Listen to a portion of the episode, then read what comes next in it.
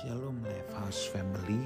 Injil Matius pasal yang ke-8 ayat 19 sampai 20 Lalu datanglah seorang ahli Taurat dan berkata kepadanya Guru aku akan mengikut engkau.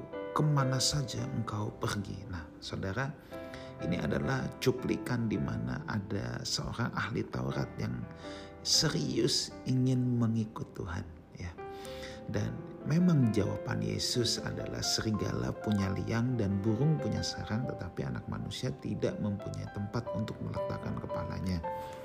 Dalam kisah ini memang tidak dijelaskan apakah kemudian ahli Taurat ini serius mau menjadi murid. Memang dia pasti bukan anggota ke-12 murid, tetapi apakah dia termasuk golongan ke-70 murid sebab Yesus itu kan bukan punya murid hanya 12. 12 itu ring satunya yang setiap hari ke mana-mana dibawa-bawa oleh Tuhan Yesus. Tapi kan ada ke-70 murid ya kalau kita lihat di Alkitab yang juga diutus oleh Tuhan. Nah, kita tidak tahu apakah ahli Taurat ini pada akhirnya menjadi bilangan atau golongan ke-70 murid atau tidak. Tetapi satu hal yang saya mau ajak kita semua melihat bahwa ahli Taurat ini punya semangat yang luar biasa mentalitas seorang murid memang harus seperti ini. Guru, aku akan mengikut engkau. Ke mana saja, ke mana saja engkau pergi. Hanya seorang murid yang akan mampu memaksimalkan potensi yang ada. Karena kerinduan terbesarnya adalah mengenal dan menyerupai Tuhan. Ia siap menghabiskan waktu berjam-jam untuk meng, untuk mendengarkan, untuk belajar ya.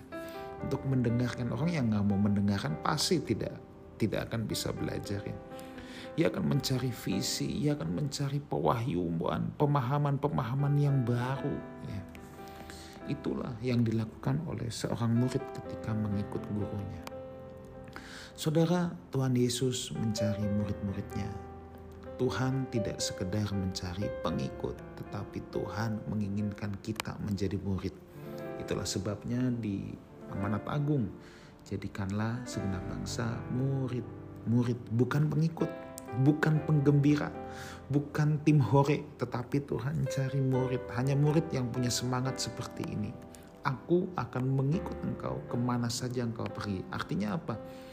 Punya kehausan, punya kelaparan untuk ingin belajar, ingin mendengar, ingin mendapatkan pemahaman yang baru. Nah, hari-hari ini kita harus bertanya pada diri kita sendiri.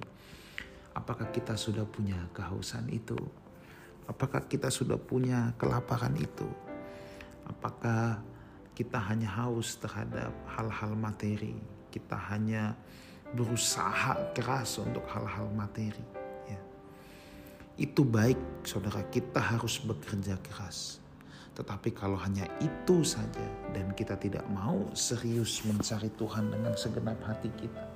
Kita tidak rindu akan pemahaman-pemahaman yang baru ya, tentang Tuhan. Maka saya khawatir kita gagal untuk menjadi seorang murid.